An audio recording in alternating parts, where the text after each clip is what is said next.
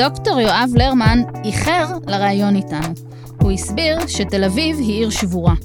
יואב הוא בוגר הפקולטה למדעי המחשב בטכניון, שעוסק כיום בתכנון ובתיקון ערים. והיום, בפודקאסט הטכניוניסטים, הוא יספר לנו מה מדינת ישראל צריכה לעשות מיד כדי לא להפוך לפקק אחד גדול. הטכניוניסטים, הפודקאסט של ארגון בוגרי הטכניון. אהלן יואב, אהלן, שלום. אני אשמח אה, אם תציג את עצמך. דוקטור יואב לרמן, שותף ומייסד פלנט תכנון עירוני ותחבורתי, וגם בוגר הטכניון אה, מוסמך במדעי המחשב, מחזור 1998. טכניוניסטים. אז אנחנו כאמור אה, משרד פלנט תכנון עירוני ותחבורתי. אה, מה שאנחנו מתעסקים בו זה בעצם ניתוח פוטנציאל מרחבי לטובת תחבורה ושימושי קרקע, ששימושי קרקע זה פשוט מבנים ומה שעושים איתם. הממשק בין תחבורה לשימושי קרקע הוא ממשק מאתגר, שיוצא לצורך העניין מהדיסציפלינות הרגילות בתחום של תכנון ערים. כרגע זה די מחולק בין תחבורה לשימושי קרקע, ואנחנו עובדים בממשק הזה. אה, פיתוח סביב תחנות רכבת, תחנות מטרו, תחנות רק"ל, אה, אה, תחבורה רב-אמצעית, הליכה, אופניים. זה התחומים שבהם אנחנו חיים. אני אתן דוגמה, היינו שותפים בתוכנית האסטרטגית אה, בתל אביב 2025 לאופניים, אנחנו שותפים בתוכנית האסטרטגית לדרכים למדינת ישראל לשנת 2050, אנחנו שותפים בתוכנית האסטרטגית לתחבורה אה, ציבורית, למטען, תחבורה ציבורית רבת קיבולת לתל אביב, מטרופולין תל אביב 2050, אנחנו עשינו תוכנית אב לניידות לקריית ים, שמשלבת את כל האמצעים. אה, זה סוג העבודות שאנחנו עושים, בעיקר אני אגיד, עוזרים למקבלי החלטות בתחום של התכנון, בנושאים מאוד מורכבים, שיש להם עלות גבוהה. לצורך העניין, עלות פוליטית או עלות כלכלית או גם וגם. כלומר, אם אנחנו מסתכלים על קריית ים, שהיא עיר אה, עם פוטנציאל אה, אדיר, אה, ואגב, עשינו בה כמה פרויקטים, גם עם, עם, עם הטכניון בתפקידים הקודמים שלי, עיר שהיא גם מישורית, גם על שפת הים, גם קרובה לחיפה ומרושתת תחבורתית יחסית טוב, אם, אם תקן אותי אם אני טועה. מה, מה, מה אתם עושים כשאתם מגיעים לעיר כזו? אז למשל בקריית ים עשינו סקר תנועה רגלית, למשל, שזה לדעת כמה אנשים הולכים, נמצאים ברחובות בעיר. חייב להגיד שזה מידע שאין לכמעט אף עיר על מה נפח התנועה הרגלית ברחובות שלה. אז עשינו, ומזה אנחנו מוציאים מודל מתמטי, שאיתו אפשר להתחיל לכוון, להבין גם מה הרחובות הראשיים, ומה יהיו הרחובות הראשיים בעתיד, איפה לרכז מה מאמץ. רוצים שיהיו? או מה... מה רוצים שיהיו ומה מה הולך לקרות בגלל תוכניות כאלה ואחרות שנכנסות אה, ומ- ומתבצעות, בעיקר בקריית ים זה רלוונטי להתחדשות. ואיזה שינויים אנחנו רוצים לעשות כדי למשל בקריית ים, למשל אני אקח כדוגמה קונקרטית, אה, לקחת רחוב, לייצר עוד רחוב מרכזי במר, אה, בתוך העיר, אה, שיעזור באמת לתפור שם כמה סוגיות של תחבורה ציבורית וגם מסחר. אה, ויאפשר איכות חיים עירונית נוחה להרבה אנשים מצד אחד, יאפשר לעיר הזאת לצמוח מבחינה דמוגרפית, ולא להגיע למצב שכולם נתקעים בתוך המכונית. כלומר, כלומר, לתת את הרציונל להליכה ברגל, אופניים ושימוש נורמלי באוטובוסים לצד שימוש ברכב, ולא, להטביע, ולא להפוך את העיר לפרבר uh, תקוע. מהמם. ואיך זה שונה מגישות אחרות שיש בתחום, אם זה שונה? אני אגיד שהתחום של נגיד מודלים של הליכה רגלית ומודלים של אה, ניתוח מרחבי, אה, אנחנו משתמשים בגישה שנקראת Space Syntax, תחביר המרחב, גישה שפותחה בלונדון ונמצאת בשימוש בעולם, לא יותר מדי עדיין. אז הגישות האלה הן חדשניות יחסית. אה, בעולם הקלאסי של תכנון תנועה, בעצם התעסקו רק עם מכוניות כמעט, וקצת קצת עם אוטובוסים ורכבות. רגל ואופניים כמעט לא נכנס. בצד השני, בתכנון ואדריכלות, בדרך כלל אין מודלים מתמטיים לכמעט שום דבר, וכלומר, מעבר לעומסים, כדי לדעת שהקונסטרוקציה תחזיק, אז אנחנו איפשהו גם פה וגם כאן, אנחנו משתמשים המון במתמטיקה וסטטיסטיקה. אה, כי- כי הראייה שלנו, לפחות לגבי מקצוע התכנון ערים, שזה מקצוע מאוד דומה לרפואה בסוף היום. כלומר... אה, למה? זה מקצוע ששואף להתערב בעולם, ולא להרוג את הפציינט.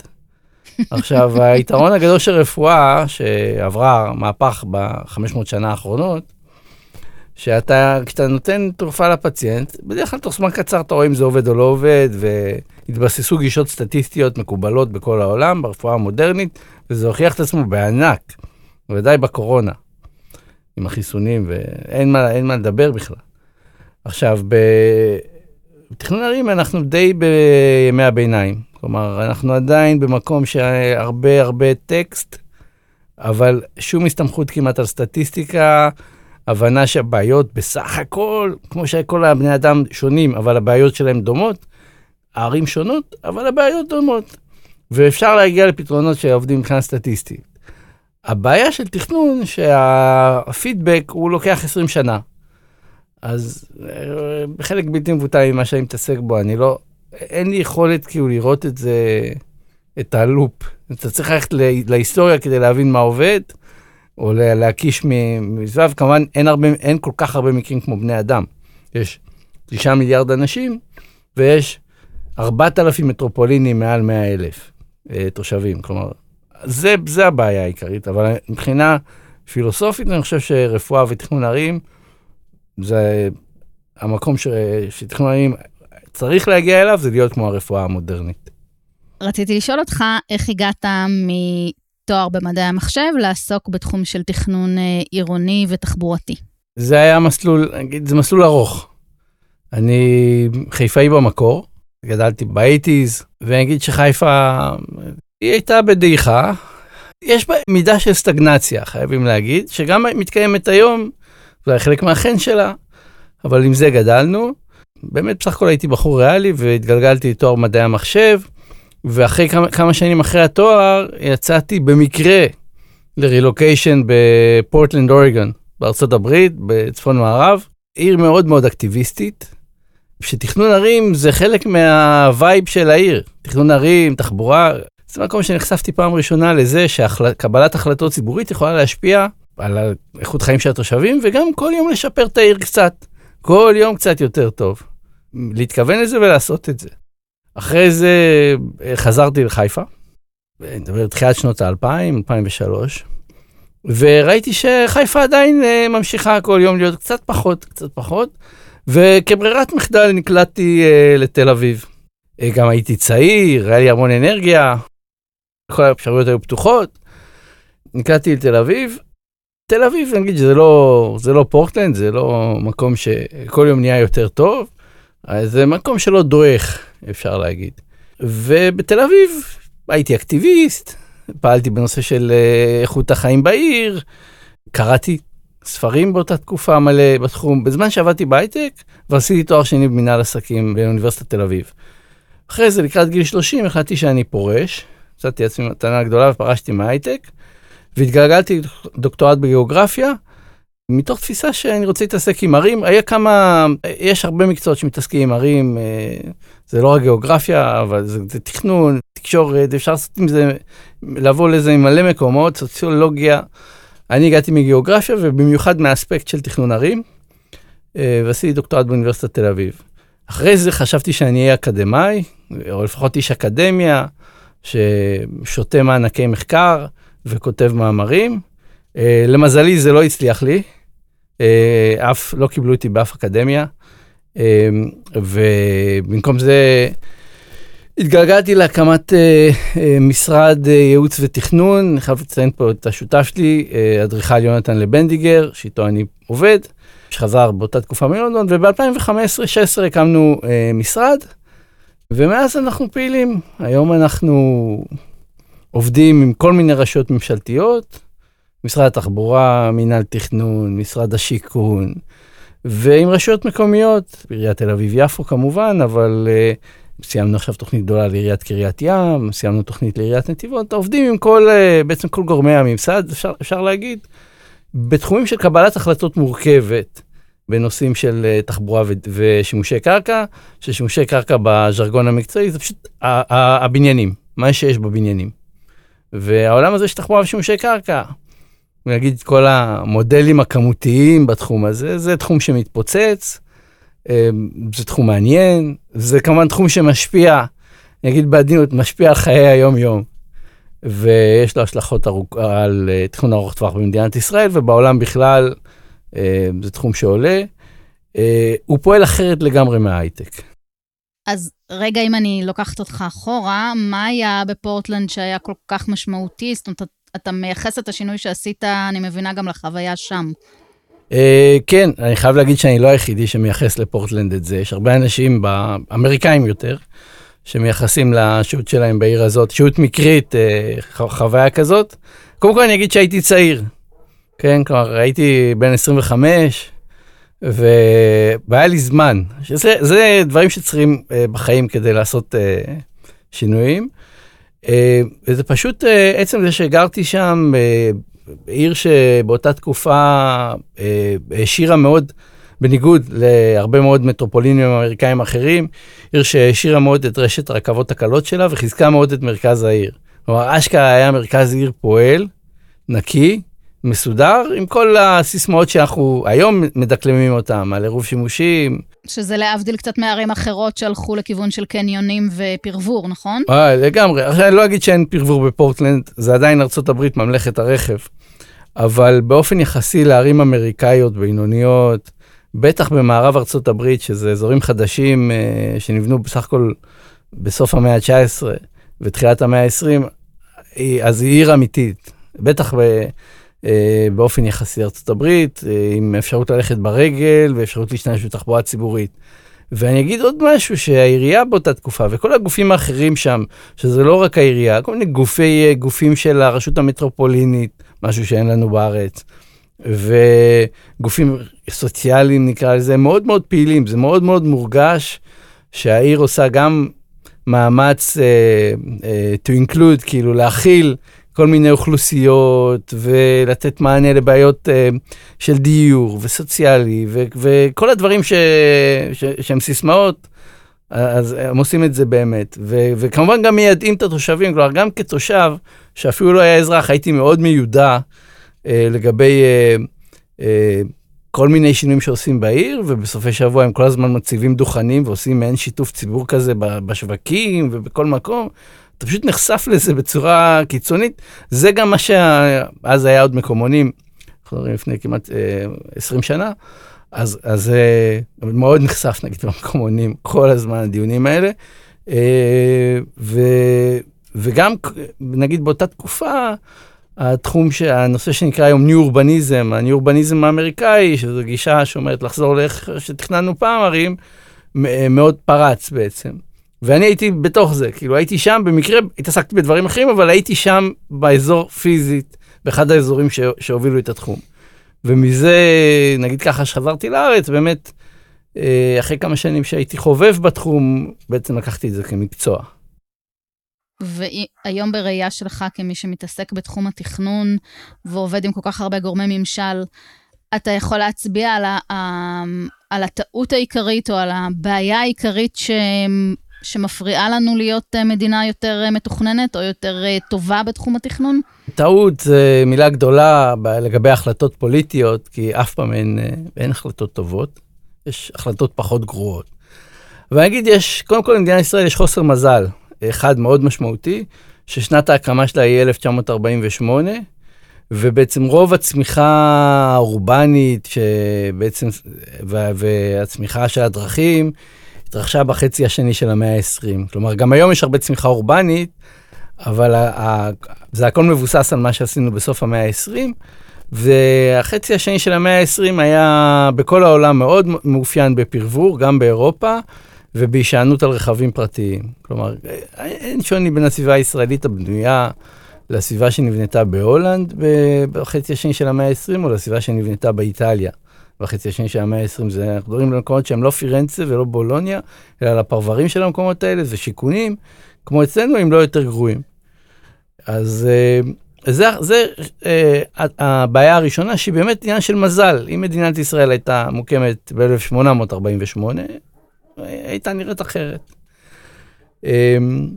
וה, והדבר השני היה גם מבחינה אידיאולוגית, נקרא לזה בציונות הקלאסית, העניין של תפיסת הקרקע ופיזור האוכלוסייה, שזה נכנס לקו היסוד של הממשלה ב-49, ולדעתי זה הנושא היחידי שנמצא בקונסנזוס מאז ועד ימינו. אה, פיזור אוכלוסייה, פיזור אוכלוסייה כדי לשמור על הקרקע, כדי אה, לא לאבד אותה, לגורמים העוינים למיניהם.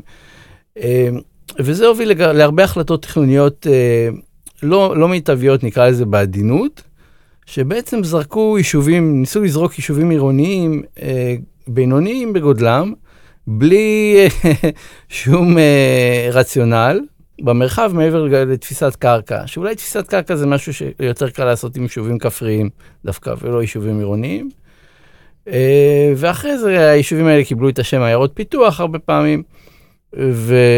ואז אמרו מה נעשה, איך נתמודד, חלקם אה, הצליחו נגיד להפוך ליישובים אה, יותר טבעיים נקרא לזה, פחות מלאכותיים.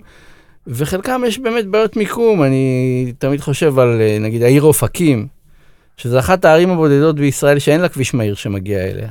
כלומר, זאת גם אחת הסיבות שהיא מבחינה כלכלית תמיד בחצי קריסה כזה, כי כשאתה כל כך מנותק, אז זה אומר שההזדמנויות מנותקות ממך. זה לא רק שאתה, קשה להגיע אליך, לך גם קשה להגיע למקומות אחרים ולהשתתף בעצם במשחק. זאת אומרת שהפיזור גורם לזה שיש הרבה מאוד יישובים קטנים, מפוזרים, למרות שהמדינה היא קטנה, אבל מפוזרים במקומות שהם יחסית נידחים, שאין אליהם גישה תחבורתית טובה, או קשה לייצר גישה תחבורתית טובה, וגם מרכזי תעסוקה.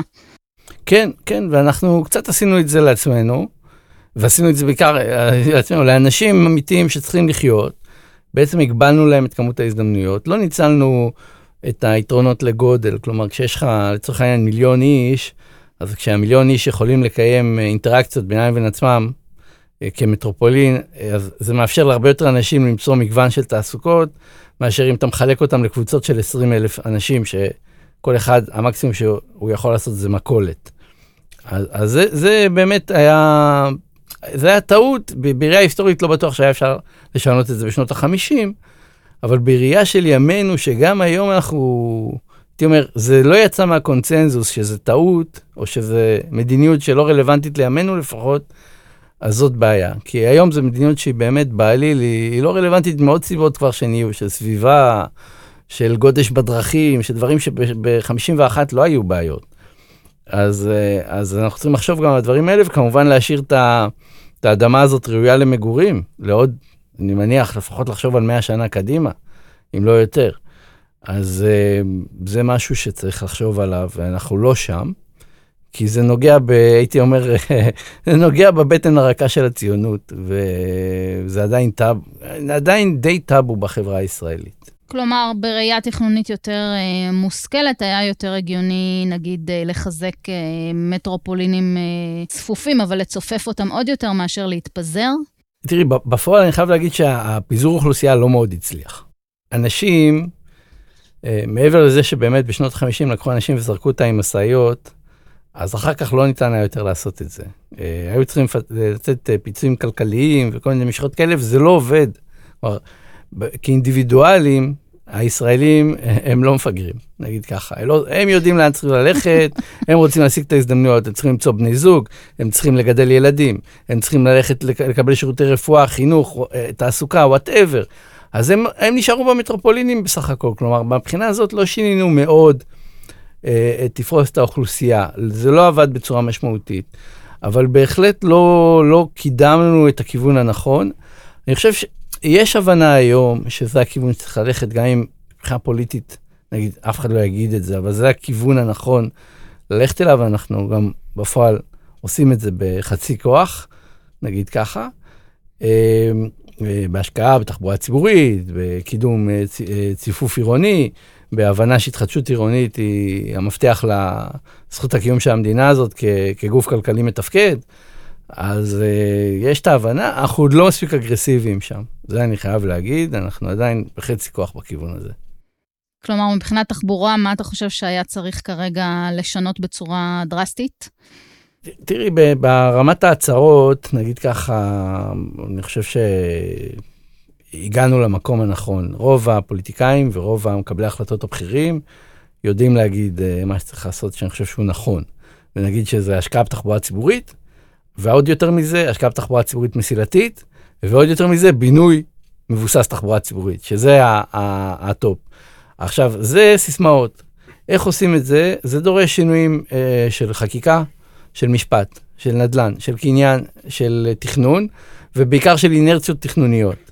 אנחנו עוד לא שם, כלומר, יש לנו עוד כל כך הרבה תקנות לגרוס מצד אחד, תקני חנייה, כל מיני סעיפים של אה, הפקעות ונדל"ן, ומי מרוויח מתי, מי משלם על מה, אה, מתי זה פרטי, מתי ציבורי, אנחנו, אין לנו את המסגרת החוקית שתאפשר לנו את זה, ובצד השני אנחנו גם לא, להערכתי, אין תחושת חירום אה, מספקת בקרב הגורמים הפוליטיים. כלומר... מה זה אומר תחושת חירום?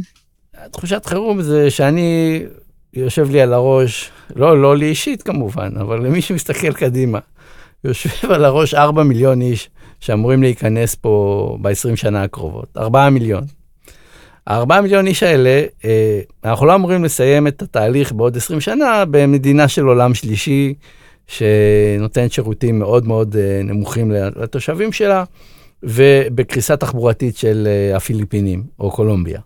אנחנו לא אמורים להגיע לשם, ואנחנו יכולים להגיע לשם.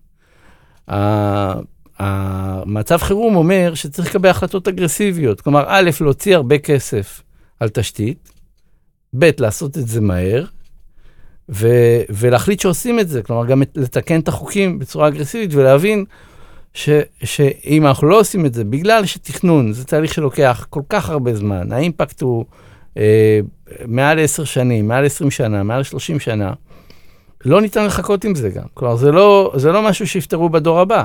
הדור הזה צריך לפתור אותו. הדור הזה של הפוליטיקאים ו... והאנשים שפועלים בתחום, כן? ואני יכול להגיד שזה מצב מאוד מעניין להיות בו, כן? וכ... כמי שמתעסק בזה.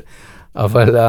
ה... זה לא בן זה דורש באמת התגייסות ברמה של, של הבנה שיש פה אתגר, שהוא באמת אתגר חירום. כלומר, ואני אגיד גם שהפקקים שהיו בתקופה האחרונה והחריפו מאוד, זה רק הצצה קטנה לעתיד. ממש הצצה מינורית לעתיד של עולם מתפתח, שאנחנו יכולים ליפול אליו, ולא בטוח שנוכל לצאת ממנו אה, בצורה טובה. ו- ישראל, לדעתי, יש חמש שנים אה, להזיז את האונייה לכיוון הנכון. אה, לפני שזה יתחיל להשפיע על הדברים הגדולים. זה לא רק איכות חיים יום, היומיומית של הישראלים שתמשיך להידרדר, זה גם היכולת ל- לקיים פה אינטראקציות כלכליות. ולהקים פה עסקים. וכמובן, כל אותה תעשיית הייטק. כי אי אפשר לפת... להחזיק תעשיית הייטק בעולם, בעולם מתפתח שלא מסוגל לתת שירותי אה, תחבורה ונגישות. אז, אז זה ממש, אנחנו הולכים לשם. זה, זה התחושת חירום. אז שני דברים שאתה חושב שצריך לעשות, בואו נסתכל על זה בטווח, מה צריך לעשות בטווח קצר ומה צריך לעשות בטווח יותר ארוך.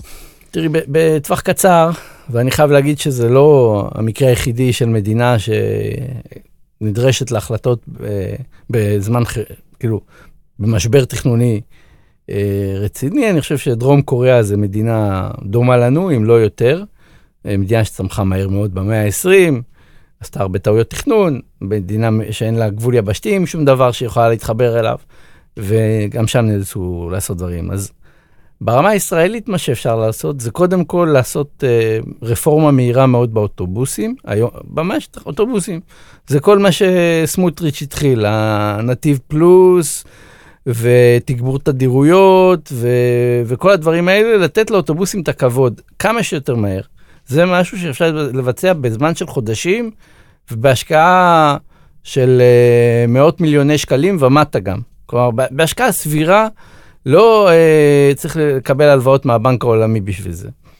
אה, לצד זה, בגוש דן, במיוחד שדרוג של כל מה שקשור באופניים וקורקינטים. בתשתיות, בתשתיות טקטיות שניתן לבצע שוב בלוחות זמנים של חודשים ולא שנים.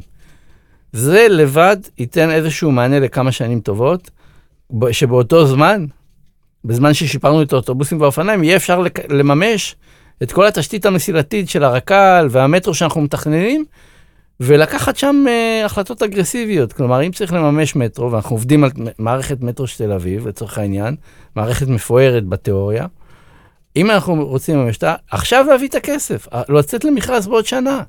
לא, לא, לא לנמנם על זה, כאילו, להבין שזה נראה נורא רחוק, כי מדברים על 2030 ו-2040, וזה מעבר לאופק של כל הפוליטיקאים אה, במערכת, אבל אבל ההחלטה היא עכשיו. זה צריך לסגר 2022-2023. ו- ואי אפשר לא לסגור את זה, זה לא משהו שאנחנו יכולים להשאיר הלאה. על המטרו הזה, להביא אה, אחוז משמעותי מהצמיחה המטרופולינית של תל אביב, על הרכבת הקלה של ירושלים להביא אחוז משמעותי מהצמיחה המטרופולינית של ירושלים, ועל המטרונית של חיפה והשדרוגים שלה להביא את רוב הצמיחה של חיפה. זה הדרך שנספק להרבה מאוד אנשים נגישות יומיומית לדברים שלהם, לעבודה שלהם, נאפשר לפחות אנשים להחזיק רכב, כמובן להפעיל את הכל בשבת וחגים וכיוצא בזה, ולהגיע לאיכות חיים שנגיד תהיה במדינות האחרונות של אירופה, ולא במדינות הראשונות של אפריקה. זה, זה מה שאני חושב שצריך לעשות, אני חושב שאפשר לעשות את זה גם, אם, אם מבינים את האתגר פה, אה, שהוא אתגר באמת של האיכות חיים של הישראלים. זה לא אתגר ביטחוני, לא צריך לכבוש מדינה, לא לרסק תשתיות טרור. צריך להתמודד עם, עם האיכות חיים, זה אולי יותר קשה במידה מסוימת. כן. אתה בעצם מתייחס לתחבורה כאל אה, אחד השירותים המאוד מאוד בסיסיים שהמדינה צריכה לתת לתושביה, אה, ואני לא בטוחה שזה היום ככה, אבל אה, אתה יודע יותר טוב ממני. כן, זה כמו חשמל ומים, לצורך העניין. זה משהו, משהו שצריך ביום-יום. זה יותר מתחבורה, זה נגישות. כלומר, אם אני יכול לסדר את המרחב העירוני, למשל, אם אני יודע מה אני עושה, שיש לי רחוב מסחרי לצורך העניין, במרחק של כל 400 מטר. אז לאחוז משמעותי מהאנשים נוח יהיה ללכת, לקנות חלב ביום-יום, או דברים אחרים, או סתם להסתובב. וכמובן, לא רק למסחר, זה גם ייתן מקומות עבודה להרבה אנשים ליד הבית. אז, אז צריך להבין שזה, תחבורה זה הכל, זה לא רק מכוניות כמובן, זה הולכי רגל, אופניים, אוטובוסים, גם מכוניות. זה בעצם קריאת השכמה, אתה אומר, נקודה, נקודת האל-חזור היא עכשיו. אני חושב שיש לנו חמש שנים. באמת, אה, כלומר, יש עוד, יש עוד אפשרות לתקן, כי המטרופולין של תל אביב הוא, עכשיו הוא 4 מיליון. עוד 20 שנה הוא 6 מיליון. אה, אה, אין, אני אגיד, אין מטרופולינים בעולם המערבי מעל 5 מיליון בלי מטרו. אין כאלה. מסיבות כנראה של גודל, של, של היכולת להגיע כשבן אדם גר במטרופולין, הוא אמור להיות מסוגל לנצל הזדמנויות מטרופוליניות. הוא אמור להיות מסוגל להגיע למרכז המטרופולין, הוא אמור להגיע, להיות מסוגל להגיע לפרברים האחרים של אותו מטרופולין בצורה סבירה, לא לפנות בשביל זה את כל היום. אז לשם אנחנו צריכים לשאוף כדי לייצר, את ה... לייצר מטרופולין של שישה מיליון ש... שמתפקד, שבו אפשר גם להחזיק חברות עסקיות גדולות והזדמנויות תרבותיות, חברתיות, כלכליות, כל הסיסמאות האלה בצורה סבירה. הדברים שאנחנו רואים ככה היום, אה, נגיד בתל אביב, הרכבת הקלה, אה, או בירושלים, אלה כיוונים נכונים, לדעתך? כן, זה כיוונים נכונים. אני חושב שהם לקחו הרבה הרבה יותר מדי זמן, ועשו גם טעויות בהם כמובן. אני חושב שצריך ללמוד את כל הטעויות שעשו בפרויקטים האלה, וטוב שעשו אותם עם כל הטעויות. כדי uh, לקצר זמנים uh, להמשך ולסיים פרויקטים במקום ב-15 שנה, ב-8 שנים, ב-9 שנים. שוב, כי אין זמן, אנשים עושים ילדים, המדינה הזאת גדלה, uh, זה פשוט, או, או להחליט שלא גדלים, אבל בהנחה שכן נותנים למדינה הזאת לגדול, חייבים, חייבים לתת מענה, אין, אין אפשרות אחרת. ואם דיברנו על חיפה, אתה חושב שהיא יותר מורכבת בגלל הטופוגרפיה שלה? טופוגרפיה עושה מורכבות מסוימת, נגיד ככה, אם כבר אני אגיד שירושלים זה המקום הכי מורכב בישראל, בעליל, יש לו גם עניינים, מתחים אתניים ולאומיים הרבה יותר, ודתיים הרבה יותר חריפים. אם היא יותר מורכבת מתל אביב, אה, אני לא בטוח. אני חושב שחיפה ותל אביב הם בכל זאת שני מוקדים כלכליים רציונליים. תל אביב זה עיר שהתפתחה על מסחר של בורגנים. וחיפה התפתחה לתעשיות כבדות, אה, רוח אה, עיר הפועלים, כמו שאומרים, אבל הם, הם שניהם ערים מאוד רציונליות מבחינת ההתפתחות ההיסטורית שלהם. אה, אני חושב שבחיפה היה איזשהו דילוג על מרכז העיר של חיפה, שזה העיר התחתית והדר הרבה שנים. היו המון השקעות של תשתיות שעקפו אותם, את המרכזים האלה. וגם תל אביב רוקנה קצת כוח מחיפה אה, במהלך השנים. אה, אני לא חושב שהמצב של חיפה הוא בלתי הפיך, אני גם חושב שנעשים דברים אה, בכיוון הנכון, אבל חיפה תתאושש לדעתי רק שבאמת ה... המרכז שלה, שזה העיר ההיסטורית, אה, העיר התחתית, והדר, יהיו מקומות אה, שהנדל"ן בהם יהיה יקר, נגיד ככה. אז, אז, אז נדע שזה יתאושש. שהם יהיו נחשקים לפחות, לפחות כמו הכרמל. ומה אתה חושב על הרכבל החדש? שאני לא יודעת אם ביקרת.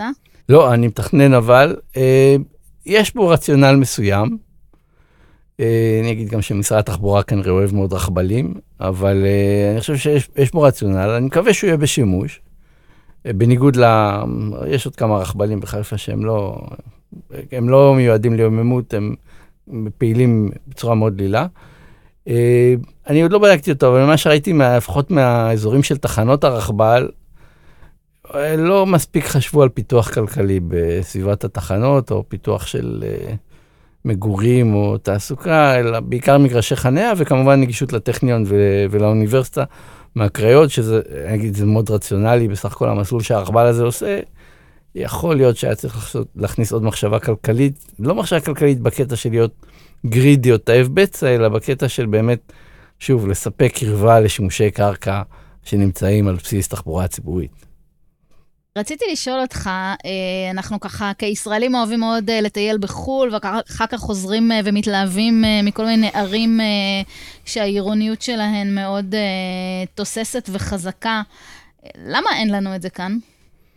זה חוזרים לחוסר מזל שלנו, של שנת ההקמה. ואני אגיד, כשאנחנו מטיילים בחו"ל בערים באירופה, או בארצות הברית, אז uh, המקומות שאנחנו נהנים לטייל בהם זה מקומות היסטוריים בגדול. המקסימום נבנו במאה ה-19.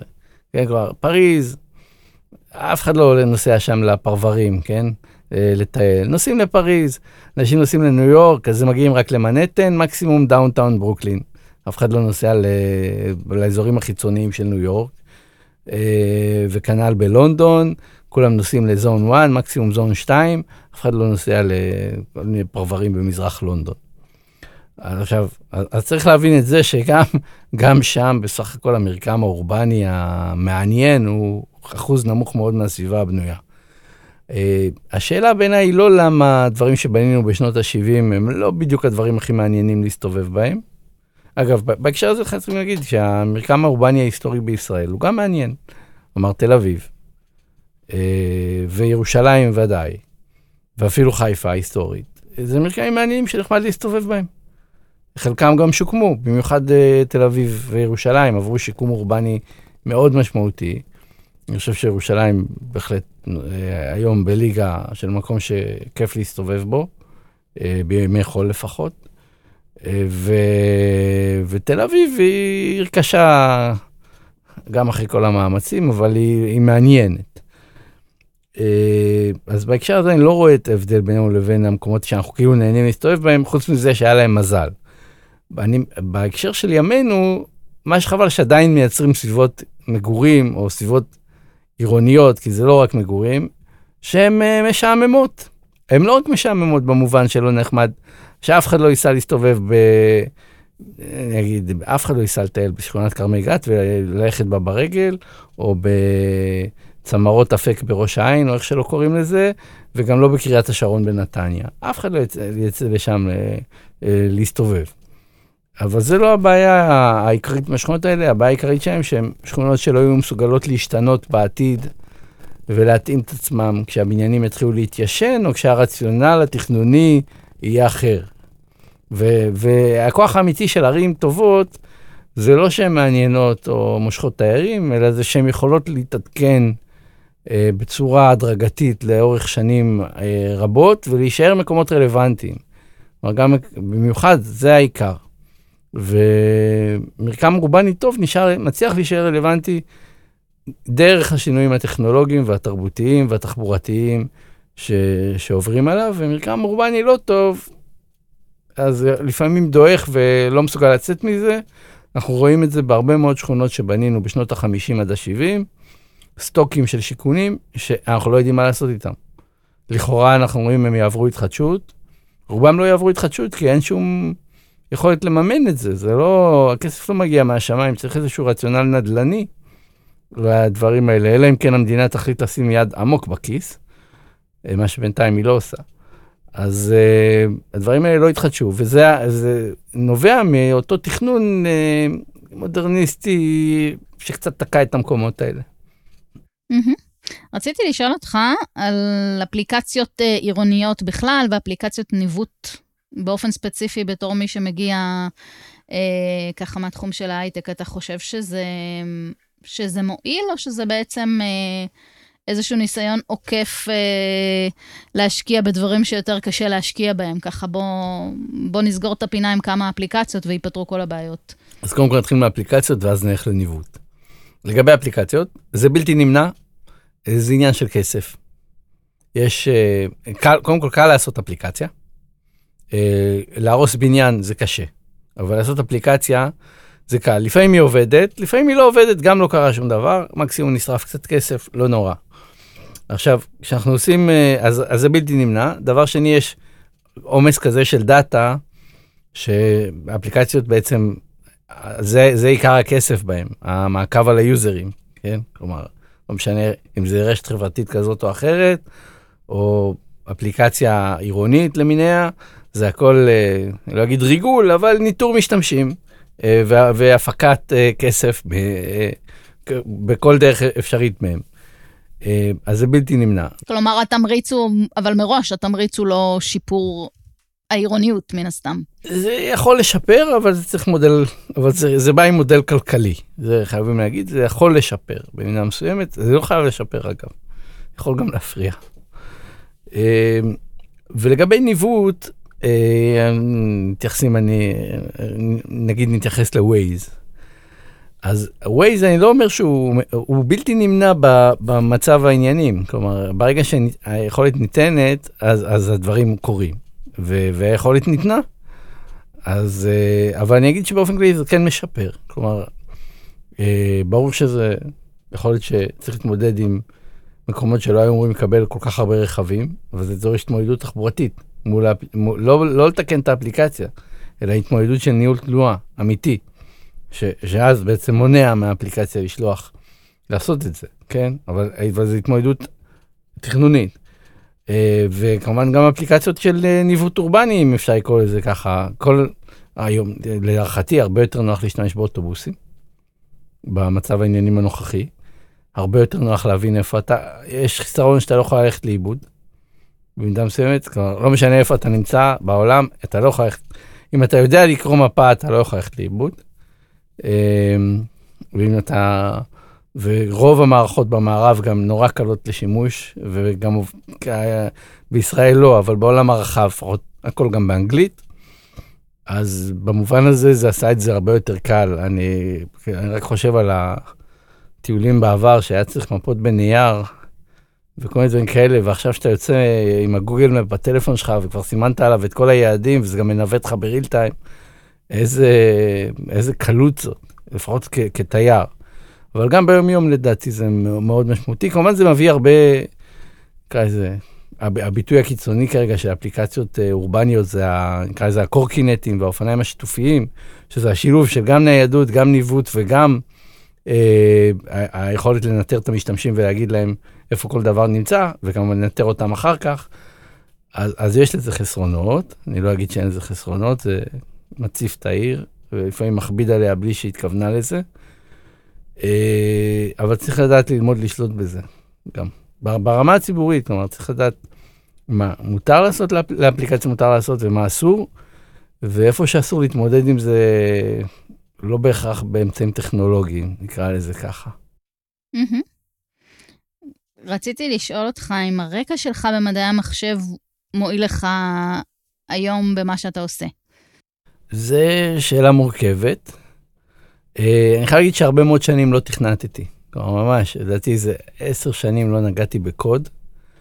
אה, לאחרונה אה, קצת חזרתי לכתוב בפייתון, כי זה רלוונטי לדברים שאנחנו, שאנחנו עושים, וזה עוזר לנו, אנחנו נגיד שאנחנו מתעסקים במודלים מתמטיים מתקדמים, אז בסך הכל זה שלמדתי פעם תורת הגרפים בתואר הראשון זה לא מזיק. אה, אבל חז, וחזרתי גם קצת לתכנת. במובן הזה התואר הראשון בעיקר עוזר לי שאני יודע, לפחות ברמה האבסטרקטית, מה... לא, לא, לפחד, לא לפחד מטכנולוגיה וגם לא, מה שנקרא, להריץ אותה. אה, במובן הזה, גם זה שעבדתי בתחום הזה, וגם שאם אני צריך בכל זאת לקודד דברים, אז זה די טבעי. כלומר, אני לא, אין, אין איזה חשש. זה, בדברים האלה זה עוזר. אה, באופן קונקרטי, גם היום. איך הקורונה השפיעה, או האם היא בכלל השפיעה לדעתך על תפיסת העירוניות? יצאו על זה, אני חייב להגיד, איזה 4,000 מאמרים לדעתי, בשנה האחרונה, אם לא יותר, וגם היה הרבה מענקי מחקר. היו מלא, מלא מענקי מחקר בתחום הזה.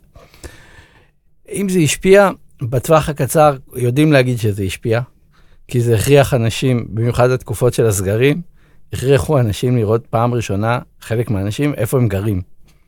ו- ולמה הם יכולים להגיע בטווח של אלף מטר או 500 מטר מהבית. אז בקטע הזה, זה בהחלט אה, עשה משהו לאנשים בראש. היה, זה גם קצת עזר לאנשים להבין אם יש להם מרחב איכותי להיות בו מחוץ לבית, בקרבת הבית או אין. אם יש public space טוב, אין public space טוב. זה עשה, בעולם לפחות, השפיע בכיוון של הרבה שבילי אופניים טקטיים. וכמובן, זה גם עשה ניסוי גדול מאוד בעבודה מהבית. אה, ניסוי ש... זה מיקסט ריזולטס, לא בהכרח אה, כן? מה? הצליח. תסביר. אה, יש דברים שטוב לעשות בזום, נגיד ככה, ויש הרבה דברים שלא טוב. דברים שקשורים לחוזים, לכסף, לאמון, להיכרות. אה, לא עובדים ברמת הזום. אני אגיד שגם הדיונים, דיונים שדורשים עימות, אני מרגיש שלא מגיעים למיצוי טוב בזום. אני משתתף בדיוני תכנון, אז חלקם בהחלט אה, דיונים שדורשים להתעמת בין אה, אה, תפיסות שונות או חלופות שונות, וזה לא, לא מגיע למיצוי טוב בעיניי. כלומר, לנהל דיון שהוא דיון או ויכוח בין אנשים, כן, ויכוח הוא, הוא, זה, זה לא פלטפורמה שמאפשרת ויכוח טוב. אני גם אגיד שהיא לא פלטפורמה בהכרח שמאפשרת יצירת אמון, ואמון דרוש לחוזים, וקבלת החלטות משותפת, ומה שנקרא להתקדם. אז אם יש לך כבר קשר, קל לעשות דיון בזום. אם אין לך קשר, ועוד יותר אם אתה צריך להתעמת עם מישהו, המיצוי לא טוב. ואני אגיד גם שזה במידה מסוימת קצת מעייף לעבוד מהבית. גם לעבוד מהמשרד יכול לעייף, אבל העייפות אחרת. אה, וגם, וברור לי היום איזה ישיבות עדיף לקיים פיזית. עכשיו שקצת מותר לעשות מחדש ישיבות פיזיות, זה ברור.